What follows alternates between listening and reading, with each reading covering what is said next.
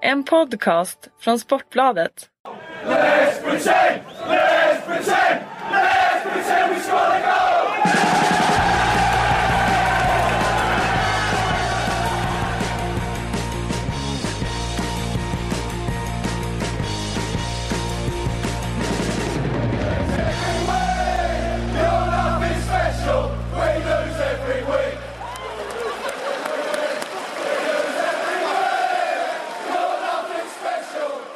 Hälsar vi välkomna till Sportbladets Premier League-podd ännu en gång för det är ju torsdag och då är vi samlade. Eh, förra veckan slog vi fast att Kalle Karlsson han är alltid med.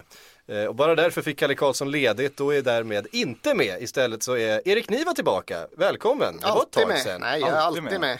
Du, är alltid, du är med in spirit. Absolut. Eh, Eh, Min och- ande svävar. Och Patrik Sjögren, eh, Aldrig med. aldrig, med- inte så ofta med i, i Premier League-podden. Det är ju Silly som är din, eh, din Nu hemmaplan. ska Erik säga något spydigt här. Nej, Ladda. absolut inte. Jag är genuint intresserad ifall du har gjort en medveten växling av dina poddvanor eller om det alltid har varit så och jag bara inte har fattat det. Nej, jag har fått ett slags privatliv oförklarligt nog. Vilket gör att jag inte... Du har gått den vägen. Ja, precis. Han har blivit sambo. Ja, Alla ska vi den ja. vägen vandra. Köpt en lägenhet för 8 miljoner och tagit det därifrån. Nej, det är klart det påverkar ju ens, ens livssyn. Alltså, Mycket det, rykten nu. Nej, jag kan bekräfta det. Eh, vi har massor Det att prata om. påverkar ens poddvärld.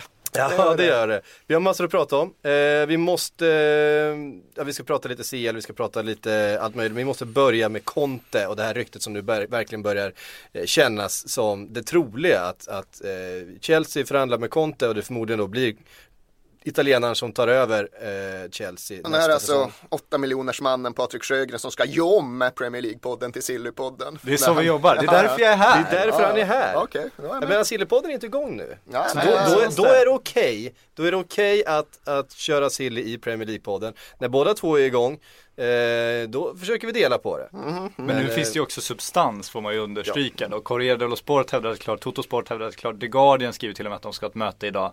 Så att det, det är ju verkligen Sky Sports också på samma uppgifter. Så att det, det är på gång. Ja, det, jag delar den uppfattningen. Ja. Och det känns ganska logiskt. Ja, det känns inte helt ologiskt, det gör det inte.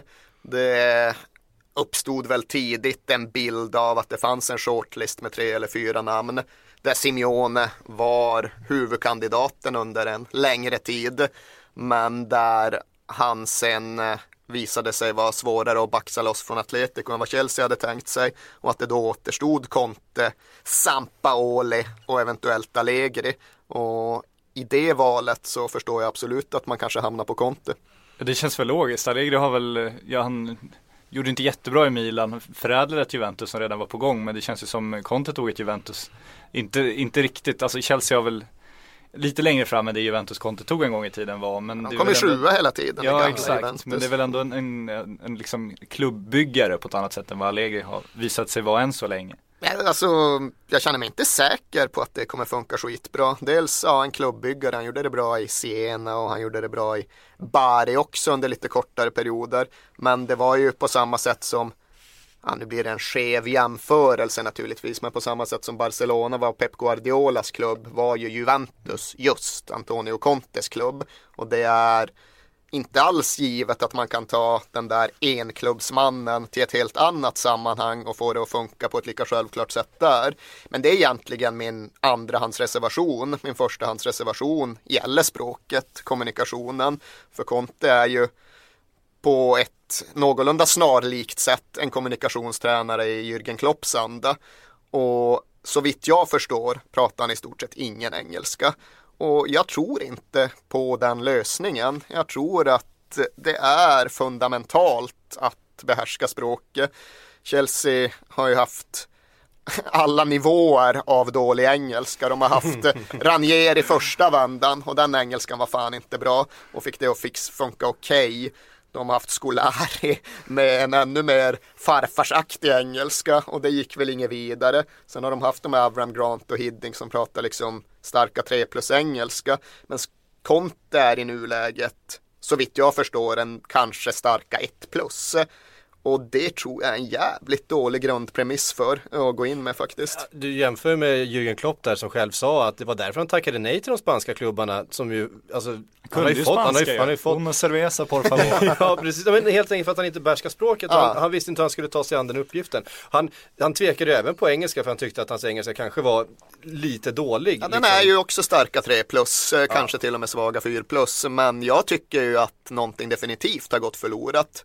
Klopp kan ju absolut kommunicera med den engelskan och med sitt kroppsspråk och med sin eh, non-verbal communication. Men det är ju inte samma sak som det var när han Nej. snackade med sina unga killar i Dortmund. Där de verkligen liksom nådde fram till 112 procent. Nu når han väl fram till 91 procent. Han når fram till Emre Can. Ja. Och, och Firmino kanske, jag vet inte hur mycket tyska han lärde sig. Ja, det vet inte jag heller uppriktigt sagt. Men han eh, kommer nog fram till nu tappar jag namnet på era nya mittback för Schalke bara därför. Matip. Matip. Matip, Mm. ja exakt. Nej men det är något som verkligen får mig så här att känna att ja, visst jag ser logiken, jag ser argumenten för, men det här är ett i mina ögon stort och tungt vägande argument emot. Och jag har ingen aning om hur språkbegåvad Conte är, hur snabbt han kan ta sig upp på en acceptabel nivå. Pochettino pratade ju också nästan obefintlig engelska när han kom till England. Nu har han precis tagit sig upp över ytan där det är okej. Okay. Han- och han han, Han gjorde, han gjorde ju inga intervjuer på engelska där i, han hade ju tolkintervjuerna. Det var ju jätteroligt. det kändes ju just som att tolken, han freestylar, han svarar ju mer själv än han översatt. Som Mourinho en gång gjorde, när han skulle översätta Bobby Robson, sket i vad Bobby Robson sa och gav sin egen syn på saken. Eh, Iskallt. Men man förstår ju, han, han passar ju ändå in väldigt bra i så här, alltså som man väljer tränare då känns det som. Han är liksom ung, snygg, han har gjort sin håroperation så att han är liksom Går det att vara ung och snygg också. och samtidigt också ha gjort sin håroperation? Om man gjort sin håroperation då går Okej. det. Även då sen karismatiskt lite kloppanda och sen en italienare som är Ranieri. Modet kommer väl eh, bidra med det nu igen antar man. Så att Du, man du ser Ranieri-modet sätta sig. Jag ser det redan sätta Ja, sig. Det är klart de tittar på italienare direkt så fort det går bra. Så, så historielösa är de ju ändå. Nej men italiensk tränartradition är ju oerhört stark och grundmurad. Så det är verkligen inte så att jag är orolig för Contes kompetens på det sättet. Han var superhyllad i Pirlos bok också.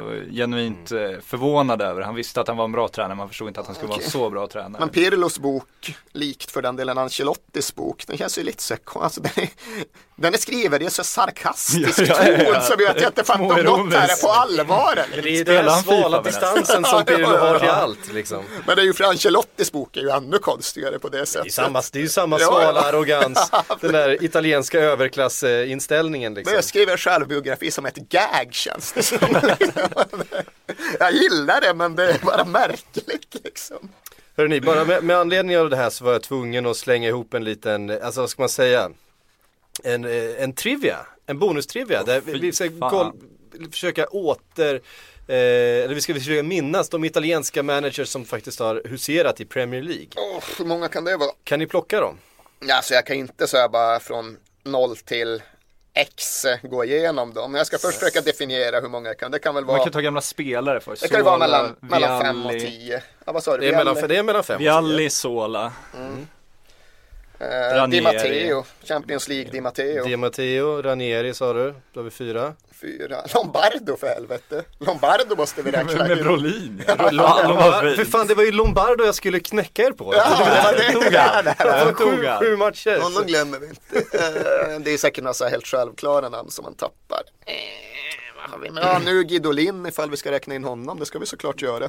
Ja, han är faktiskt inte med på min lista. Men Nähä. Uh, Ancelotti naturligtvis, om jag Ja. inte har sagt Ancelotti. Uh, Mancini. Mancini, ja, det är förstås. just. Det är inte så att vi inte känner till dessa personer. Det Nej men det är de. mindet. Nej, Ja, men det var Lombardo som jag, som jag tyckte var, eh, för det är ganska stora namn, det är Vialli, sa vi Vialli? Ja, vi sa det Vialli. gjorde vi. Och sen Ancelotti, Mancini och Sola och så vidare. Och sen då Attilio. Vialli måste ha Attilio. varit först då eller? Eh, det måste han, han eller Lombardo? Ja just det, Lombardo var ju 97. 98. Ja, måste 98. varit det. Ja, Han är mars 98. ja just det, det var den säsongen precis. Jag sörjer ju ändå att den Sju här spelande tränartrenden inte tog sig. Det tycker jag är tråkigt. Sju matcher, förlorade fem.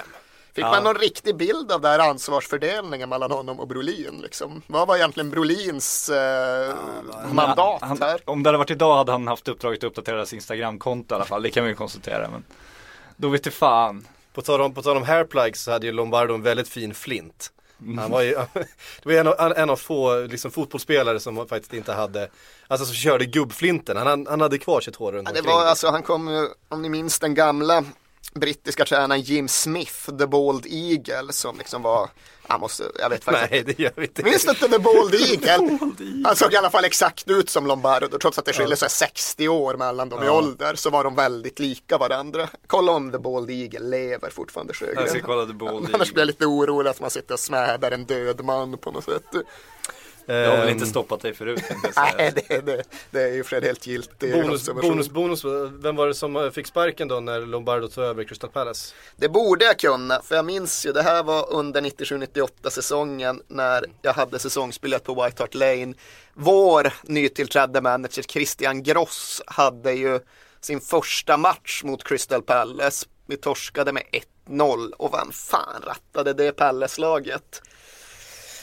Det var väl...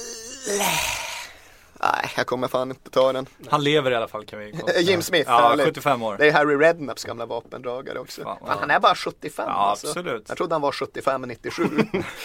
Okej. Det trodde man nästan om Lombardo också. Exakt, exakt.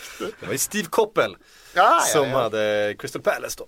Ja, man gjorde en sån där jojo-säsong, upp och ner, fram och tillbaks eh, till Premier League. Den Eh, matchen eh, som de vann på White Hart Lane i det som måste ha varit i november 97. Den dominerades fullständigt av högerbacken Mark Edwardy som man då trodde var på väg mot något stort. Nej, Anledningen till att jag tog upp Steve Koppel var för att jag hade noterat honom tidigare i veckan. När han, han var övertygad om att Manchester United skulle vända den här säsongen. Han, han gick mot alla andra experter. Ja. Han uttalade sig i någon radioprogram och sen drog folk på det för att folk tyckte att han kanske inte riktigt var rätt på det. Men att van Gaal var rätt man för jobbet och han kan, ju, han kan ju fortfarande vinna FA-cupen och då, ska- då är han ju ett geni. Eh. Koppel fortfarande har någon auktoritet på Old Trafford i egenskap av, jag vet inte om man ska kategorisera honom som klubblegendar eller inte. Nej. Men han, han är han är han mancunian från början? Det är en berättigad fråga, det tror jag inte att han är. Det känns som att han är typ skotte eller någonting. Men eh, Det är han säkert, han var ju Premier League-tränare på 90-talet. Det var rätt mycket skottar. Ehm, Conte, ska vi, eh, ska vi lämna det? det? Det är ju inte färdigt än, vi kommer ju få återkomma till det när, när vi har någonting han är scouse, Steve Koppel för fan. Jaha, Manchester legendaren Steve Koppel är alltså scouse. Eh, Frågan alla ställde sig innan vi satte igång den här podden.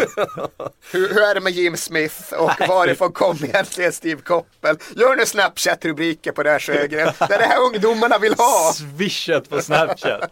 Jag kommer stänga Snapchat med det här. Ut med bild på Jim Smith på Snapchat. liksom. ja, 13-åringarna går igång. Harry and Jim are going down som det hette när de hade, hade Southampton ihop. Ja det är han för fan, du säger själv. Ja men du ser, den ska rakt ut. Ja, ja, ja. Eh, Jag måste boosta den bara. Ja, Nu nu, är det tyst. nu är vi på gång. Nu- nu- Nu gång. Nu fick Nu- inte hela flinten. Nej, Nu so- sociala, nu sociala medier bonanza Ja, i absolut. podcaststudion. Eh, vi lämnar Conte och vi lämnar eh, Steve Koppel och The Bald Eagle och, och alla andra. Eh, och, och rör det- oss till Champions League 2016. Jag måste bara skjuta in att jag tror att det blev väldigt mycket Givetvis. rubrikarbete på det där i och med att eh, Lombardo då tog The Eagles och såg ut som Jim Smith. Det är klart det var jävligt mycket med The Bald Eagle då. Jag tror det var därför också den parallellen fanns färskt högt upp i huvudet. Visst gjorde han några landskamper för Italien, eh, Lombardo? Ja, det måste han ha gjort, jag har bestämt för mig att jag ser honom framför mig i den italienska landslagströjan. Några av mina första landskamper på plats var för EM 1991 då Italien mötte det som kanske var oberoende staters samvälde, alltså det sammanfallande Sovjet på Råsunda. Jag kommer ihåg att jag tog en autograf av Pietro Vierkovod på Drottninggatan. Jag vill tro att Attilio Lombardo var med i det laget, men jag är verkligen inte säker på saken. Nej, det var ju på den tiden som man klistrade in sina bilder i, i album. Mm. Eh, Tack för att ni förklarar det här för mig. Titta, titta, liksom ömkande på mig här. du ung. Uppskattar jag. Ehm, men så är det. Champions League 2016 tar vi oss till nu då. Det, det är tvära kast. Ja. Eh, Manchester City Arsenal har spelat i veckan. Arsenal hade det ju uppförsbacke eh, redan från lottningen. Eh, gjorde ju en bra match kan jag tycka mot eh, Barca. De kunde liksom inte gjort så mycket mer. Men jag har, De kunde sluta komma två i sin grupp kanske. det är det är väl, det man City gjorde. Ja, Jag tycker Men- ju inte att Arsenals insats mot Barcelona var sämre än vad Manchester Citys insats var mot Dynamo Kiev. Men skillnaden Nej. var att de ena hade fått en tacksam lottning och de andra hade fått en otacksam lottning. Ja, så och på så sätt så formas ju hela den Champions League-säsongen och diskussionen runt den. Ja men det var ju verkligen så här om man jämför, alltså när man såg eh, Arsenal-Barcelona första dagen så går man in och ser första 15 på, på Dynamo Kiev City dagen efter. Det, är- det är två helt olika turneringar tycker jag. Det var ju Och det var ju sjukt ändå den bästa fasen- 15. det var ändå den bästa det var fasen av den matchen. Otroligt slarvigt och dåligt. Alltså hade Arsenal gjort de misstagen City gjorde där mot Dynamo Kiev så hade det ju avgjorts betydligt tidigare. Så. Ehm, Sitter desperat och försöker få reda på om Lombardo var med i före. Måste vi släppa Lombardo här alltså. Ehm, vi har fått en fråga från Donny DT Teplin. Eh, han är lite sur på Mertesacker nämligen. För Mertesacker gick ut och uttalade sig så här. We had to score at one point. That, we, that was the key to why we lost. Säger alltså Mertesacker och Ja. Donny liksom, kan man verkligen säga så som kapten och som den som var orsaken till Ja, straffen? den som slog den här snygga mackan till Flamini och satte Ja. honom i skiten. Och sen Precis. slapp mycket skit så att han är ju rätt Och som, också, och som också faktiskt får ta på sig lite utav 1-0 målet också där han gör en eh, chansbrytning på mittplan och blir avklädd. I, vad ska han göra? Alltså han blir Ja, ändå är ifrån, han, han kommer ju inte kunna löpa ikapp liksom. Han Nej, så absolut, han gör ju rätt liksom. som går för den. Men, men straffen är ju hans helt och hållet Ja. Tycker jag. Alltså där kan man inte skylla. Flamini är ju lite vårdslös klump i den, herregud. Ska Mertesacker hängas för att han försöker hänga anfallet för att de inte lyckas göra mål? Ja, Jag vet inte om jag tolkar det som att det, det är liksom på det sättet heller. Han ska säger väl, det är ju anledningen till att vi förlorade var att vi inte satt våra chanser. Det är så, det är så, ja okej, ja Det var ju absolut. typ det, det är, typ det. We had to score at one point, that was the key to why we lost. Ja, men det, han handlar inte om att det är taktiskt att de var tvungna att gå upp i slutet, det är inte det han är inne på. Jag har inte läst det där i sitt sammanhang liksom. Nej, eh, det har inte jag heller ska Nej. jag eh, avslöja. Men ehm, Ja men absolut, men, ja, men problemet är ju det är ju absolut att de inte sätter sina chanser, det är ju det det handlar om. Och sen är ju Barcelona ett bättre fotbollslag. Problemet här är ju fortfarande att Arsenal är ett sämre fotbollslag. De ska ju inte slå Barcelona logiskt sett. Och problemet är att Arsenal fortsätter komma tvåa i sin grupp. Och därför stöter på de här jättarna. De får ju faktiskt skylla sig själva lite där. De borde ha slagit Bayern München två Ex- gånger om i gruppen helt precis enkelt. så. Det är Nej, de för är- jävligt. De har ju otur där också, det får man ju säga. Nej men det Mertesacker, jag tycker inte att han är rätt på det, men jag tycker inte att det är svårt att, Det är så svårt att liksom hänga folk för Arsenals förlust också. De gör en bra insats. De möter världens just nu bästa anfallstrio, kanske historiens bästa anfallstrio. De blir straffade för det. De gör ett, ett stort misstag vid straffen. Det är ju, går ju inte att komma ifrån det. De gör misstaget också att de blir lite väl sugna på att göra mål när, eh, innan kontringen. Men samtidigt, de spelar hemma mot Barcelona. Det är klart, de måste ju gå för målet. De kommer Hur inte ha mycket- större chans att gå för målet på hur mycket bortaplan. grämer sig Oxlade Chamberlain att han inte kunde få lite luft under den där bollen när han Ja, får eller lite riktning på den. Det är Ja. egentligen Han ligger ju- han ligger ju ner, det är ju bara att få upp- Ena hörnet eller upp mot Ja. nättaket så blir det ju mål. Men eh, det hade ändå inte inneburit att Arsenal hade slagit ut Barcelona. Det som krävs är att Givetvis Arsenal är hundraprocentiga över två matcher och att Barcelona underpresterar.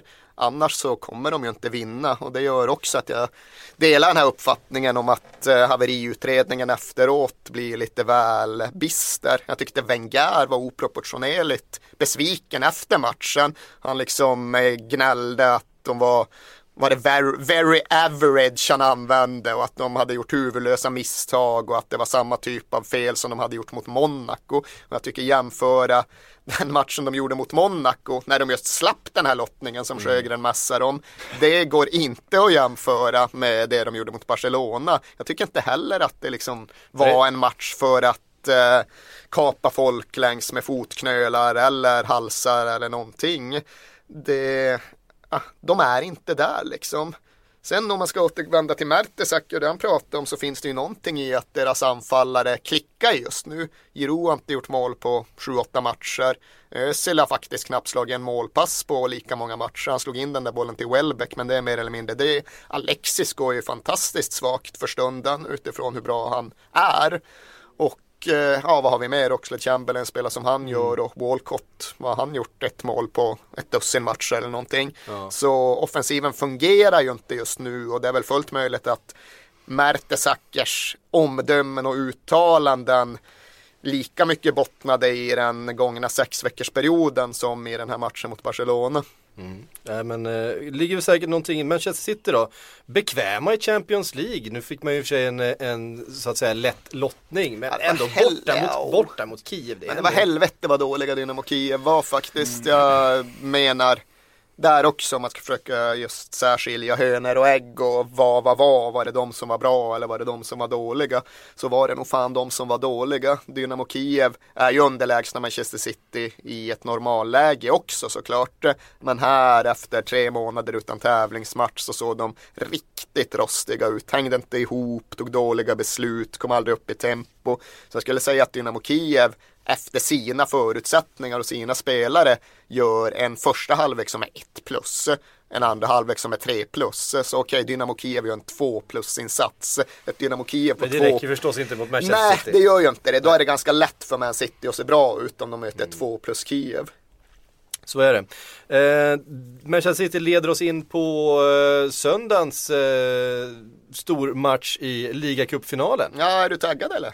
Jag är taggad, Ja. absolut. Eh, det är ju kul med finaler. Alltid kul med Wembley, så är det. Ja, verkligen. Eh, Liverpool som ju gått upp och ner lite grann, eh, inte sett jättebra ut. City som har varit rätt, rätt formsvaga. Eh, nu spelar Liverpool Europa League på hemmaplan ikväll. City flyger hem från Kiev. Störst fördel, nackdel skulle ni säga med eh, veckans eh, fixtures. Han har ju Hellre, hem, vilat laget ju. hellre, hemma, hellre hemma på en torsdag än i Kiev på en onsdag. Det är rätt mycket skitsamma. Hellre slippa skador än att få skador. Det är väl snarare det. Har man oturen att drabbas av några frånfällen så är det det som blir avgörande liksom. Men ifall ni båda kommer ur helskinnade så tycker jag faktiskt inte det är en särskilt stor faktor City alls. ställer ju, ställer ju givetvis upp sitt bästa lag. Det är inte så att de sparar spelare till på söndag. Eh, Det är ju Champions League då. Liverpool kommer ställa upp sitt bästa lag ikväll mot Augsburg, det är jag helt säker på. Eh, Man måste ju liksom, det enda sättet att hålla säsongen levande, är ju att ta sig vidare i Europa League. Men, Eh. men det här eviga liksom, spelprogrammet och tajta matchandet. Det var väl Alan Shearer som var ute och eh, förstod inte alls vad folk pratade om inför liksom, när City vilar spelare nu och pratade om att Barcelona hade ett lika tajt matchande nu. De gjorde väl flest antal matcher i världshistorien när de tog sin kvadruppel eller vad fan man nu räknar ihop det till liksom. Alltså överdriver man det här i England? Både och. Man överdriver å ena sidan den här kontrasteringen just att ja, ja, Barcelona spelar många matcher men så fort de möter Las Palmas så kan de ju gå på eh, 20 procent av sin fart.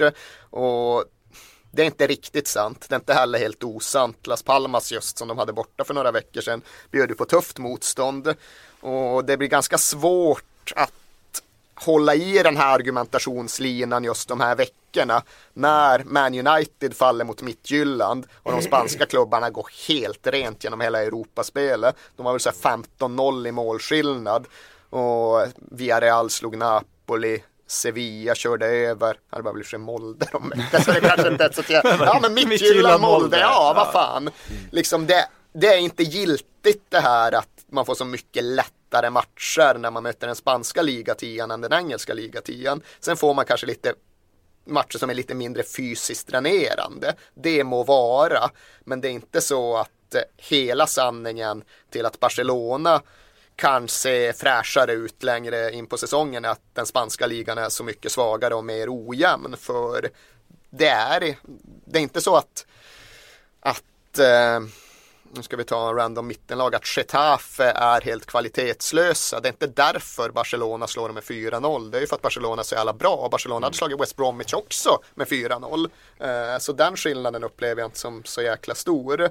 Stora skillnaden är väl egentligen det här juluppehållet där, där spelare i andra ligor faktiskt får en möjlighet att, att vila upp sig lite grann och kanske ladda batterierna och då växlar de engelska klubbarna upp och spelar fler matcher än någonsin liksom på, på ganska kort tid. Jo, För man att får några omspel och sådär. Och, Ja.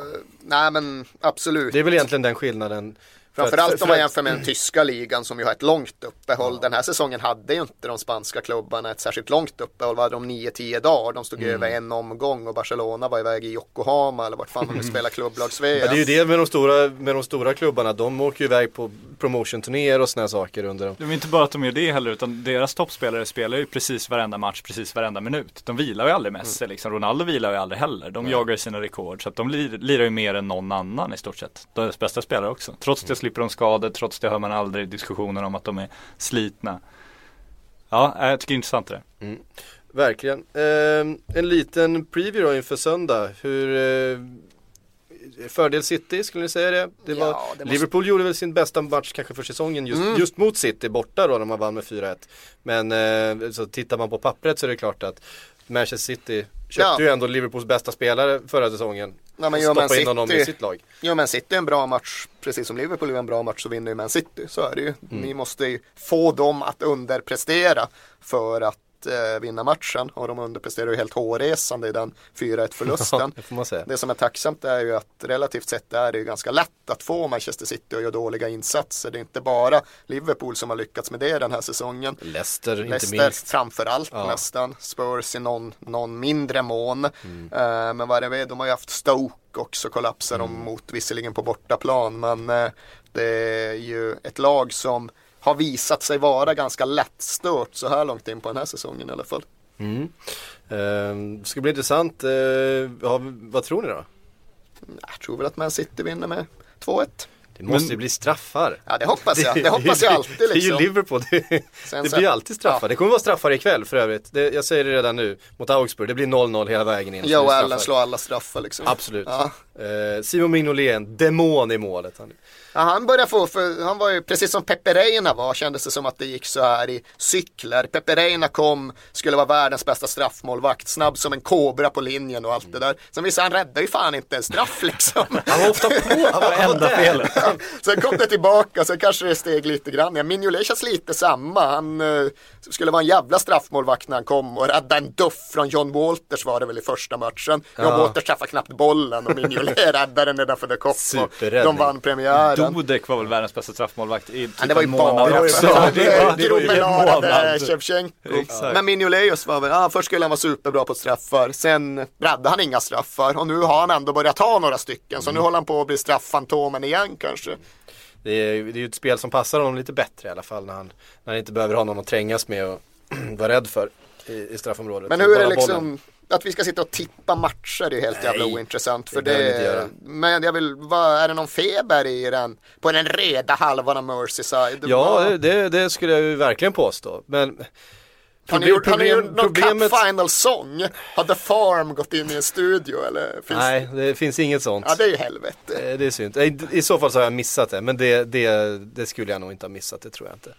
Eh, Men, eh, men visst är det det, men samtidigt så är det ju den här känslan av att Europa League är liksom biljetten till Champions League och det är så viktigt även för liksom det, den, det äldre gardet eh, supportrar för Liverpool man tycker att liga, en ligacupseger är ju värt väldigt mycket.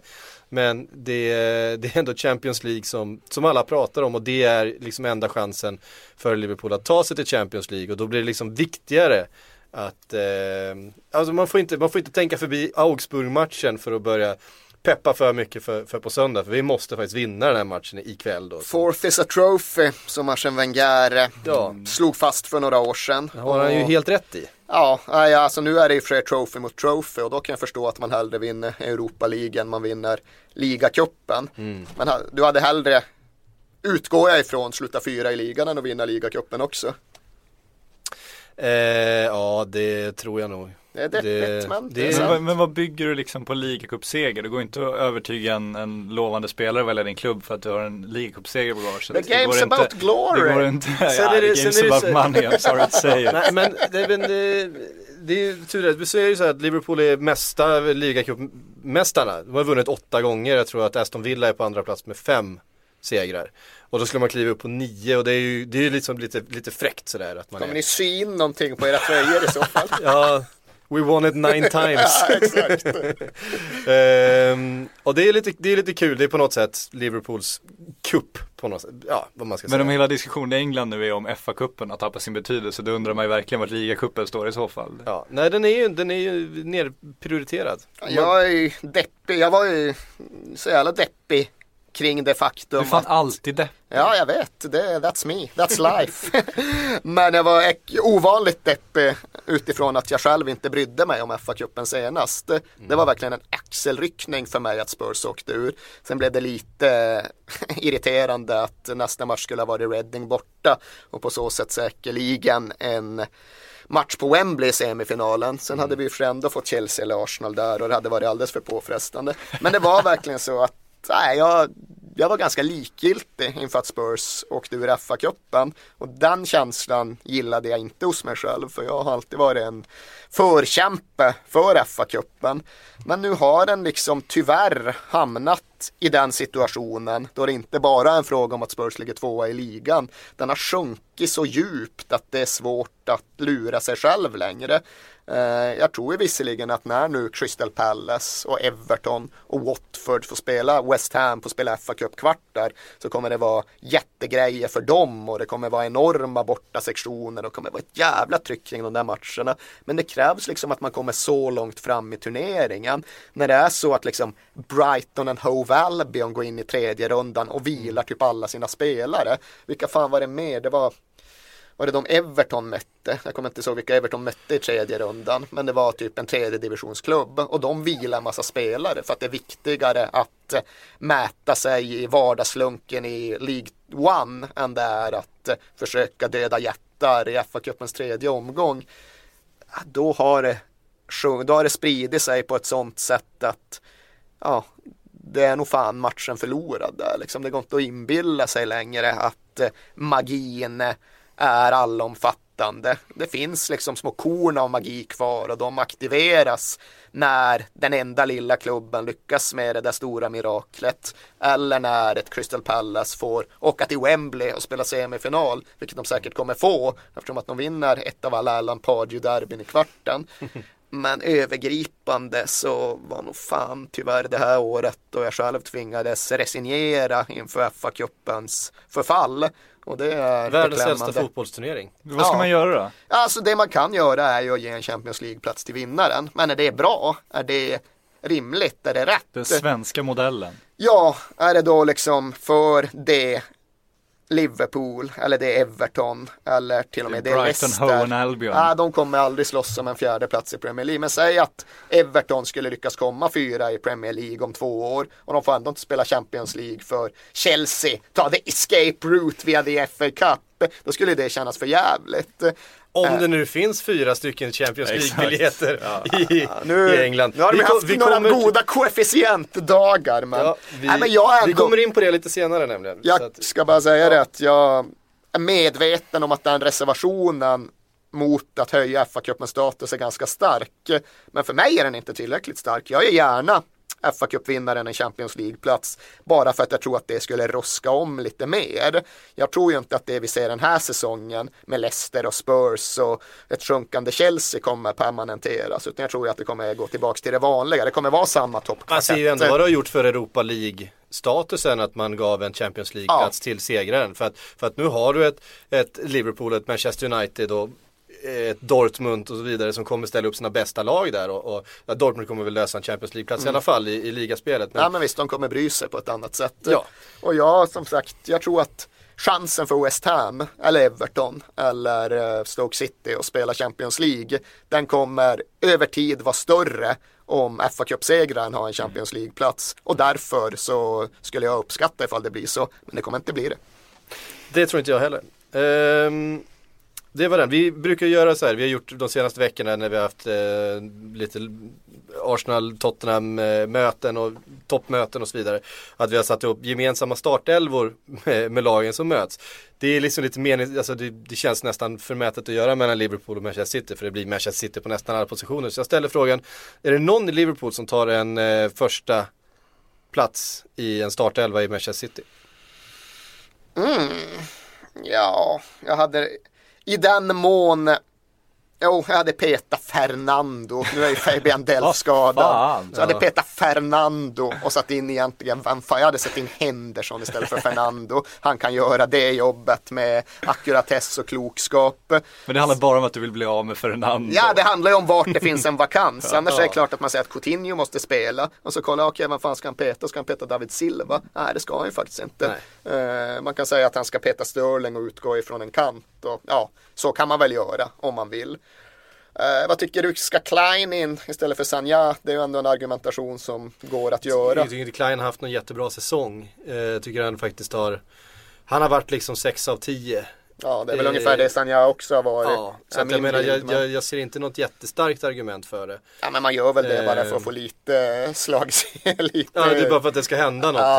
liksom. Ehm, ja, det beror ju på helt hur man, hur man ställer upp. Man Ja, kanske deras- skulle kunna peta ut en, en Sturridge till, vid sidan av en Agüero liksom. Och, Jo, men om man som säger... han ungefär gjorde med, han spelade bredvid Suarez då när Suarez eh, var längst fram. Och, Jag tycker för rimlighetens skull får det ändå vara en 4-2-3-1 och deras Ja, ja, mittbackar det är ju ihåliga men era är ju fan i mig ännu sämre så det går ju inte. Eh, nej, det är Klein för sakens skull. Det är Henderson istället för Fernando och om man då vill uh, Coutinho som får utgå från en kant istället för Sterling. Men sen är det ju slut liksom. Ja, där har ni det. Ehm, och då blir det ju svårt att säga någonting annat än att det, det, det är City som har det ehm, liksom på förhand på söndag. det är inte individer som vinner matcher, det är lag. Där blev man Lars Lagerbäck för en sekund. Otroligt Du har, suttit, du, obehaglig du har suttit för min. nära Lars Ja Lagerbäck nu jävlar, hakan bara sjönk in och så kom det där spända ansiktet. Det pillemariska överlägsna leendet. Ja, Larsur. slående imitation. Det var Det ligacup, var det, inte en imitation. Ja, det, det, det blev en imitation. det var ligacupfinalen ska Det var vi, inte Lars Lagerbäck det där alltså. Nej, jag vet inte vad det var. Det var Lars Lagerbäck hävda. Nej, det var det inte. Ja, du får vila från vi har satt studion nu alltså. Det var Nu är det sjukskrivning. Ja, fan, rent generellt är jag ju för sjukskrivningsscenariot. Liksom. jag vill gärna vara sjukskriven. Men jag vet inte om dessa är grunderna som får ta mig, som full, för, uppfyller min vision. eh, för nära Lars Lagerbäck. Eh, Cool fact a crocodile can't stick out its tongue. Also, you can get health insurance for a month or just under a year in some states. United Healthcare short term insurance plans, underwritten by Golden Rule Insurance Company, offer flexible, budget friendly coverage for you. Learn more at uh1.com. Ehm, jo, jag tänkte vi skulle prata lite Leeds och det som har hänt eh, på Ellen Road de senaste veckorna. Inte minst de här fantastiska projektionerna. Det är så otroligt kreativt. Eh, Är det verkligen så otroligt kreativt? Ja, jag tycker det. Okej. ja, det är bättre än att hyra ett jävla flygplan med en banderoll efter. Det är det. Eh, därför att man, man, har lite- inte, man har inte det är inte så att man har ställt upp en, eh, en gammal diabildsprojektor heller utan man har ju hyrt in liksom landets främsta Eh, vad heter, ja, jag vet inte ens vad man, vad, vad, deras, vad deras yrkestitel är. Så men mycket de har ju fram emot varit, Men, men de är landets främsta i alla fall. Ja men de har, de har varit inhyrda för att göra väldigt kända projektioner på olika byggnader i London och på parlamentet och sådana saker. De har liksom fått tag på dem, det gänget. Eh, Killen med overhead-apparaten. Ja, det, är exakt, men det, det är han. som, som drar runt i England och gör sådana saker. Nu vet man ju inte ifall de är kanske Leeds-supportrar. Alltså jag såg de där projektionerna och jag tyckte inte de var mindblowing direkt, det kan jag inte påstå. Och som var ändå tydliga. Jag tyckte om att de, och de var storslagna på ett sätt. Det var, det var svårt att missa liksom. Jag vill även, eh, Budskapet gick inte att förbi. jag vill säga, ska vi nu prata Leeds så vill jag att du precis här och nu lägger in 30 sekunder av Leeds United Calypso i postproduktionen. Ja, vi får se ifall det blir 30 sekunder, men vi, vi slänger inte Leeds United Calypso. Bra. Och där har vi gjort Erik eh, lycklig med eh, Leeds United Calypso. Eh, en annan rolig grej som, som kom fram är att eh, Massimo Cellino som då är eh, Leeds ägare, eh, som inte, han är väl eh, impopulär. Ja, Det det kan man man säga. rent generellt. Det kan man ju liksom, men han har i alla fall betalat en supporter 500 pund i månaden för att eh, hylla Cellino i så här klubbnära sociala medier i någon Facebookgrupp som heter, han har startat någon Facebookgrupp som heter In Cellino We Trust. Chilino in var han väl först också Ja, det skulle ha varit Cellino in, Ja. men det blev In Massimo We Trust. In Massimo We Trust, så var det. Eh, och det är ju jätteroligt förstås att man betalar en supporter Det för var billigt att, eh, tycker jag. Ja men det, Det var, var ju tydligen, ja, men det var ju tydligen prestationsbaserat. Ja, Det var, så, det var eh, så mycket han kunde drista sig till att eh, sprida Ja men det var ju, han är väl om jag har förstått det här rätt, om det här är korrekta uppgifter, klubben bestrider ju det. Men så som det har Förstås. rapporterats så var det just en grupp av eh, lättköpta supportrar som då skulle spread the word om Celinos förträfflighet. Och ju mer aktiv man var i detta, ju mer intensiv man var i att förmedla förträffligheten i honom, desto mer pröjs fick man också. Så Undrar hur de kom fram till den eh, liksom taxametern? Ja, där? exakt. Om man får 100 Facebook-tummar så har man förtjänat lika många pund. Eller, ja. Ja, precis. Cristiano Ronaldo fick, vad var det? 40 miljoner, 20 miljoner för två tweets och fem signerade tröjor och en photoshoot. Så Var att- det så? Ja, för fan. Det är tacksam Han liksom. cashar in. Sen når han i och för sig 200 miljoner människor på sina sociala medier också, men det är väl en annan sak. Ja, Man får ju ge Celino det att han är jävligt, jävligt många saker. Men han är ju inte bunden av ett traditionellt ägartänkande. det här är ju ändå, det är nytänkande. På samma sätt som det i någon mån är nytänkande att börja bråka med tv-bolagen och förvägra dem rättigheten och visa matcherna och så vidare och så vidare. Han är ju, han är korkad på ett helt nytt sätt. och det gör ju att han i alla fall inte är ointressant. Jag menar, nu pratar vi ändå Leeds, liksom, stora, stora Leeds.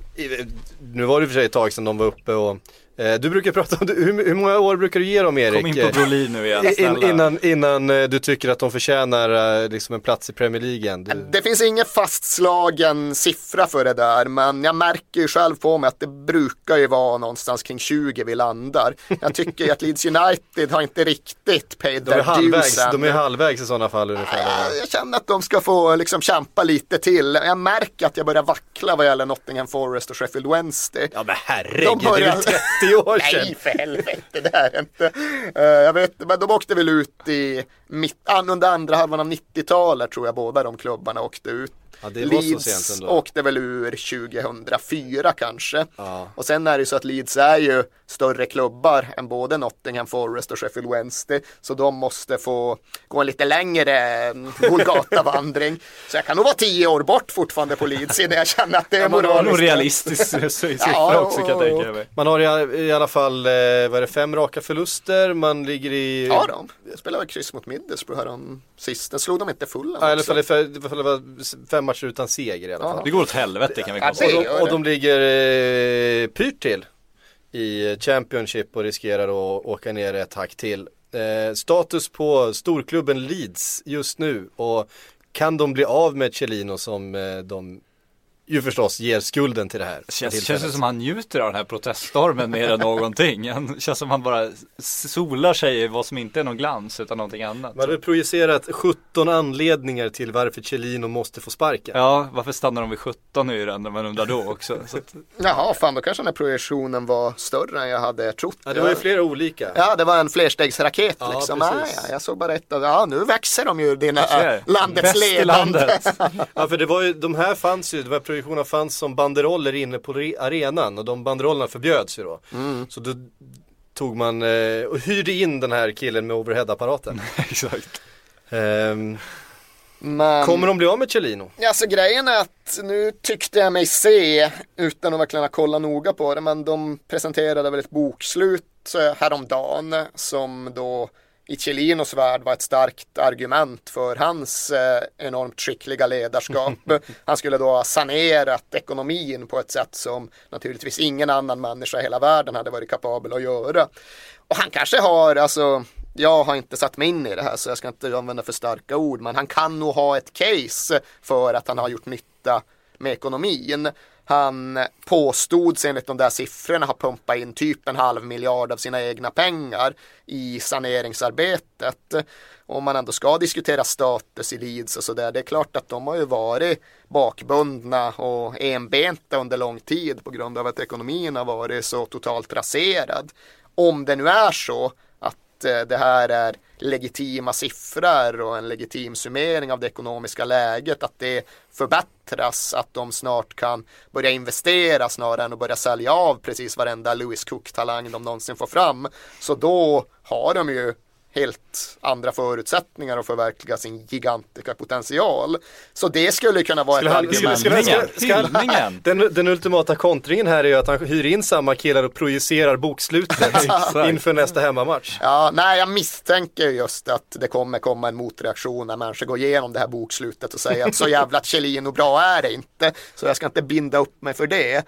Men det är kanske också så att det inte fullt så nattsvart på precis alla nivåer som det hade kunnat vara. Det är ju klart att det funkar inte med Chiellino eftersom att han är galen och folk hatar honom.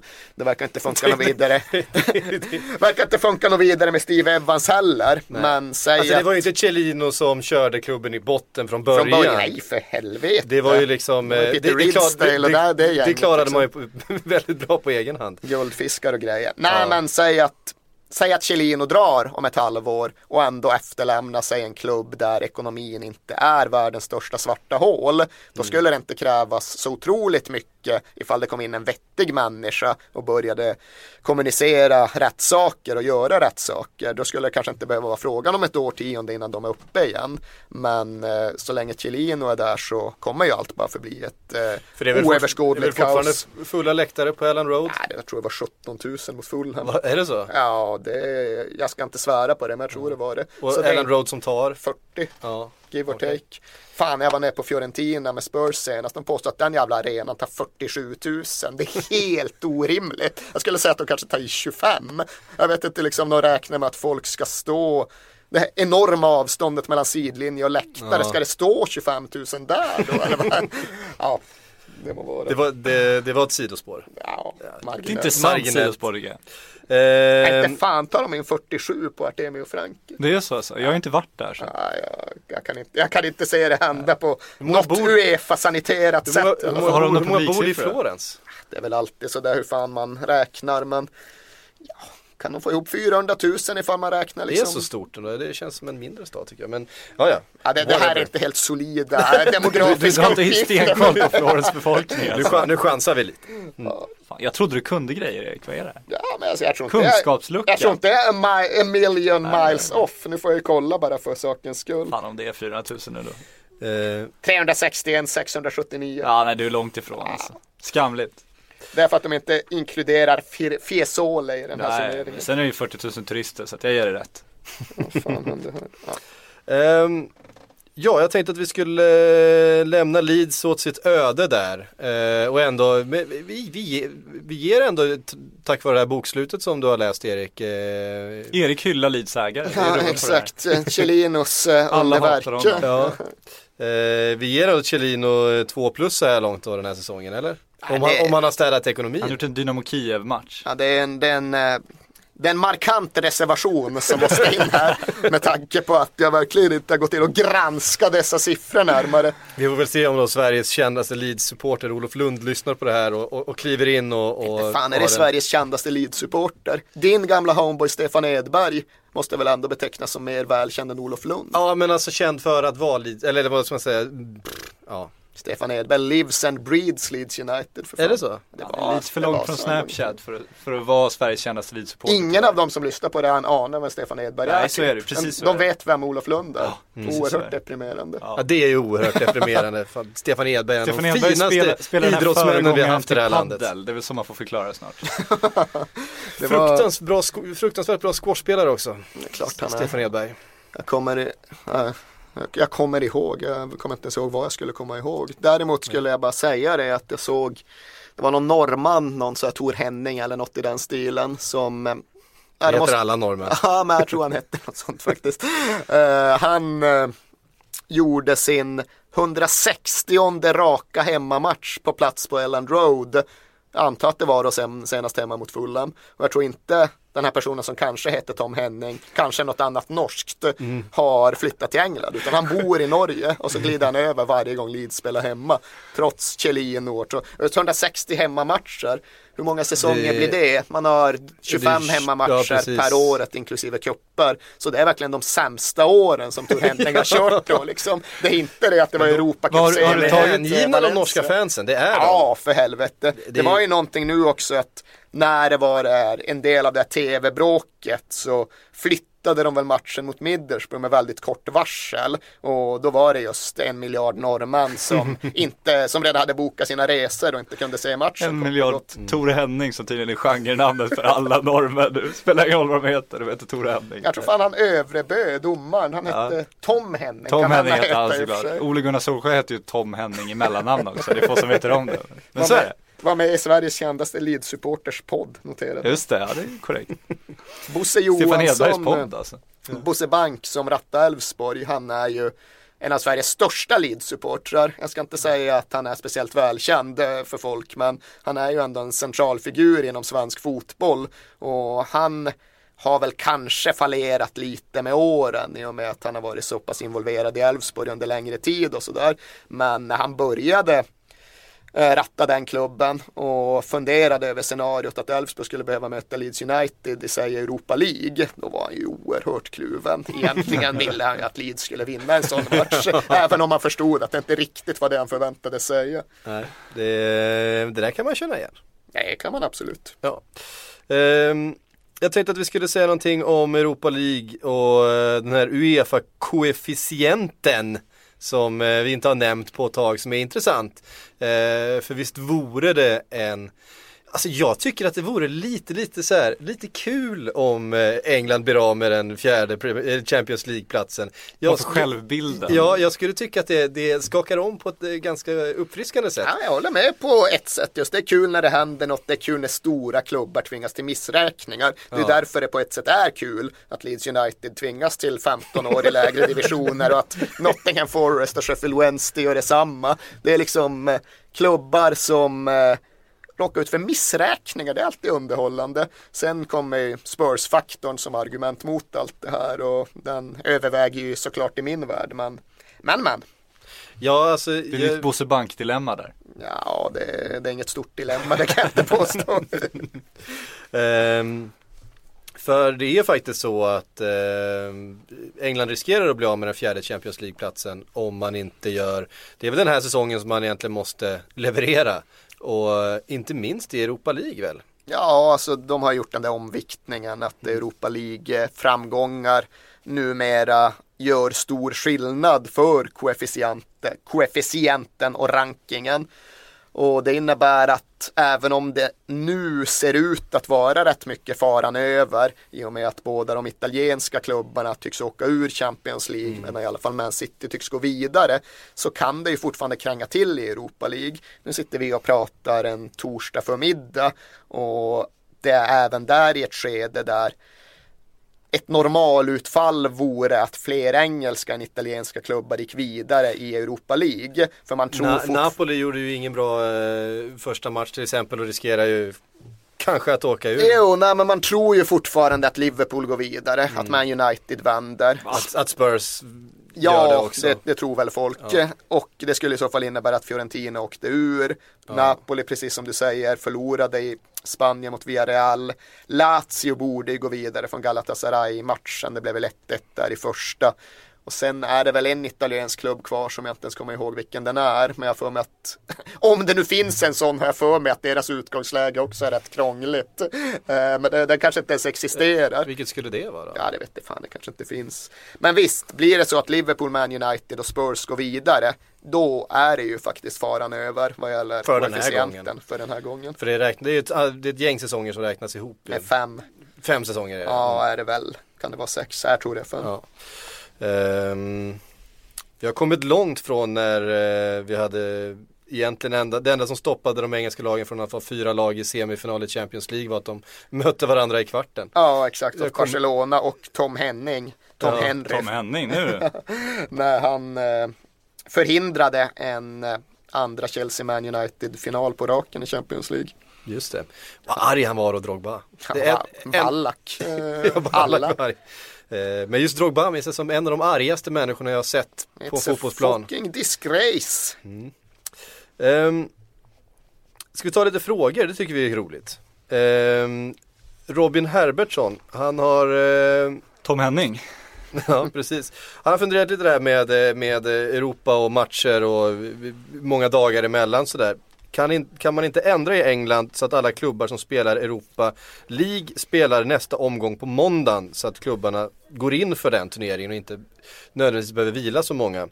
Eh, så inte England tappar i rankingen är jag också inne på här. Eh, man vet, så gör man i Italien till exempel. Ja, man gör väl inte riktigt så i Italien, man har inslag av det i Italien. Men jag menar ju här att koefficientens eventuella förändring väger jävligt mycket mindre än att eh, fans i så fall inte har möjlighet att se fotboll på helgerna. Det är jävligt mycket svårare att göra Newcastle United borta på måndagskvällen än det är på lördag eftermiddagen. Och det är så många andra krafter som redan har ställt till det for the match going fan. Så jag vill absolut inte ha ytterligare en sån förändring. Nej. Eh, en, till, en till Robin. Jag ska bara föra in det också att så länge det är inom rimlighetens ramar, så länge det inte är som det var för Spurs 2007 kanske, när vi spelade i Sevilla på fan natten mellan torsdag och fredag. Det var någon sån här spansk avspark, 22.45 liksom. Spelade där, alltså den var klar jag tror fan matchen var klar efter midnatt, mm. natten mot fredag. Hade vi tidiga avsparken på lördag på Stamford Bridge mot Chelsea. alltså det var inte ens ett, det var ett dygn mellan matcherna. Ja. Och vi skulle åka hem från Andalusien emellan. Då kan jag väl känna att det börjar bli lite väl Ja det var ju bara att rulla direkt från flygplatsen. Man kom med necessären liksom till, eh, till Stamford Bridge. Ja, det kom en Paul Robinson som var så jävla trött att han inte orkade slänga sig. Carvalho sköt liksom ett, ett skott som studsade fem gånger från 40 meter innan det nådde fram till mål. Robinson pallade bara inte att slänga sig. Och torskade vi den um, Robin Johansson uh, skriver Cresswell till EM. West Ham, vänsterbacks ja, Cresswell. Ja, precis. Ja. Han har gjort det bra. Han har gjort det bra. Uh, min bild är väl... Han är scouser också så att det är... Ja, han scouser. Jajamän. Jaha, se på fan. Han och Steve Koppel. Vi stannar till där. Vi stannar till där. det är inte så folkgrupper vi ska dela in Tranmere Rovers. Uh, ja, Koppel också Tranmere. Ja, du ser. Ja, uh, min bild är The väl viral. trots allt ändå att Cresswells säsong är starka 3 plus. Det är fullt möjligt att det finns West Ham-fans som tycker att den i själva verket är goda 4 plus. Eh, jag vet väl inte, Leighton Baines är väl alltjämt första valet. Hans säsong är inte starka 4 plus, det ska det fan konstateras. Men i den här gruppen så är det väl Baines, det är Ryan Bertrand. Ryan Bertrand tror, tror jag är, är första valet. Möjligt. Sen är det ju så att Danny Rose blir bättre. Jag är inte Danny Rose största fan. Jag tycker fortfarande att han är för korkad spelmässigt, för dålig i positionsspelet. Men han blir bättre. Han är ju bättre än vad Kyle Walker är, även om folk inte riktigt fattar det för att de säger att Kyle Walker kan minsann springa jättesnabbt och då tror de att han är fantastiskt bra. Eh, det är hans... inte så man värderar spelare i England, tror det har varit ja, så länge. Det, det finns absolut ett inslag av det. Och Kyle Walker är ju ett jävla fysiskt praxexemplar. Han hade kunnat bli en bra tiokampare, men han är ju inte en så bra fotbollsspelare så att han ska spela för England i EM, vilket det finns en risk för. Eh, Rose är bättre än honom och när man konstaterar konstatera det så får man också konstatera att Rose också ligger hyfsat nära en EM11. Han ligger nog närmare Cresswell. Sen ifall man tycker det är rätt eller inte, det beror väl kanske på vilken del av nordöstra London man eh, kommer ifrån. Men jag tror det är så det är. Jag älskar snabbhetsgrejen. Jag tar alltid den anekdoten när jag får chansen för att jag är kär. Men Obafemi Martin så var det, kom fram med Inter mötte Milan i något derby där och så hade jag någon polare som var inte fan så satt och kollade på den här för massa år sedan. Och så var, nu kommer Martins in, helvete var jävligt ung. Fan vad snabb han är, det här, nu jävlar blir det åka av.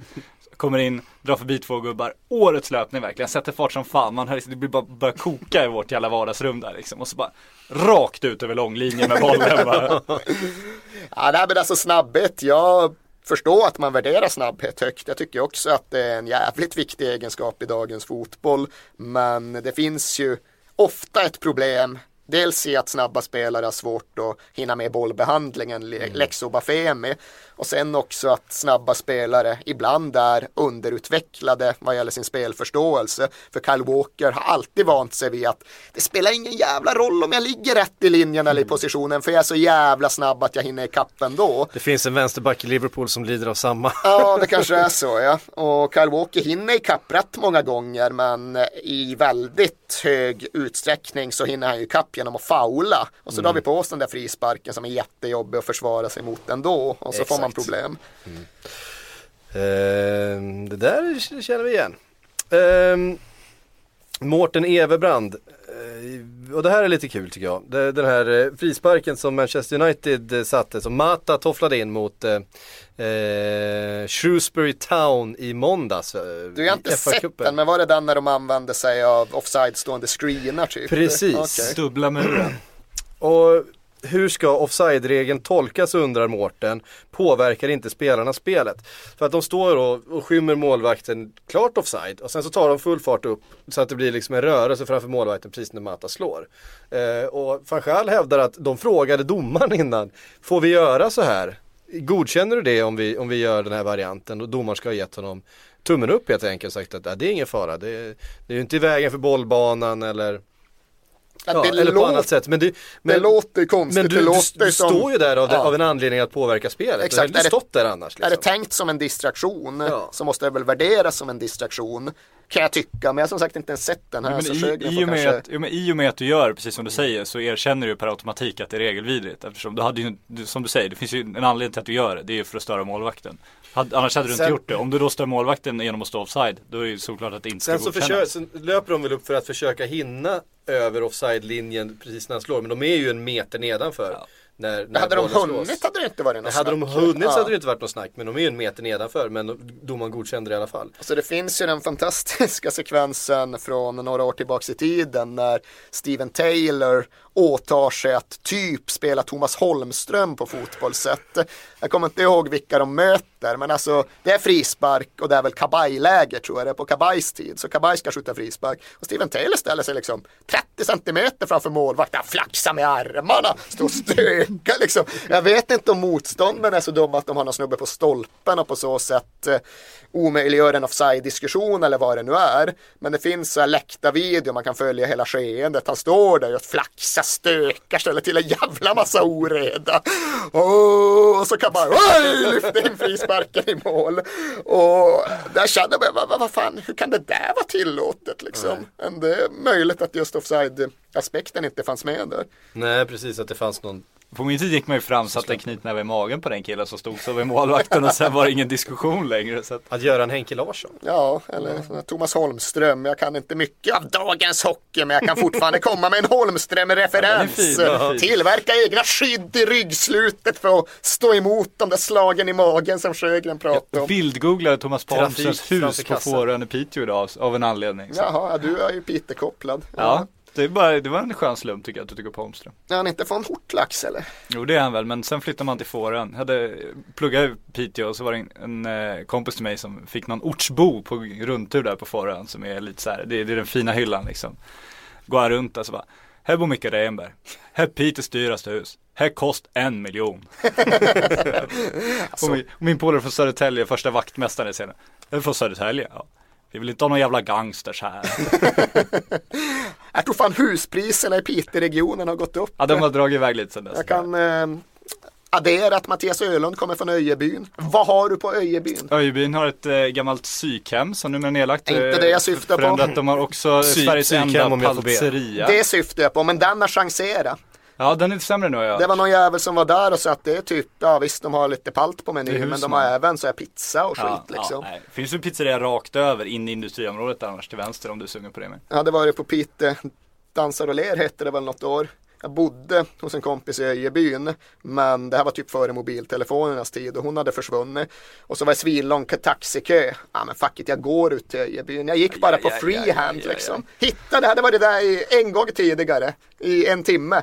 Bara gick som en jävla missil hela vägen till rätt hus i Öjebyn. Än idag har jag ingen aning om hur det gick till. Ja, det kan ju också med att Piteå blev utsett till årets cykelstad efter att de satt ut cykelvägar överallt. Då cykelvägen som är utskyltad från Öjebyn in till Piteå centrum går alltså längs E4 då. Så att du ska cykla på E4 enligt en skylt. En sjukt stark Ja, Piteå-diskussion fan. avslutas med att även bjuda in Patrik Syk. Hortlax eh, som Thomas Holmström kommer ifrån, även känt för vadå? Ingen aning. Punkrockbandet Randy. Jaha, där ser man. Mycket bra. Ja, ja, Fantastiskt bra. Eh, första gången jag åkte fritt fall, en sån här eh, eh, vattenrutschkana var på Piteå havsbad. Är det sant? Ja, är det säga. klassiker. Ehm, Fin sandstrand, Det var allt för om- kallt för att bada. Det var allt om Peter det. Eh, Var det det? Ja, det var, det var fan Nej, allt. Jag tror, i inte, jag tror inte det finns mer att säga. Ja, ja. Jag tror inte det finns mer att Jag säga. citerar här, nej det var en plusartikel. Du har inte plus Det är inte, det är inte plus i Piteå-tidningen, nej det är inte Aftonbladet, det är Piteå-tidningen.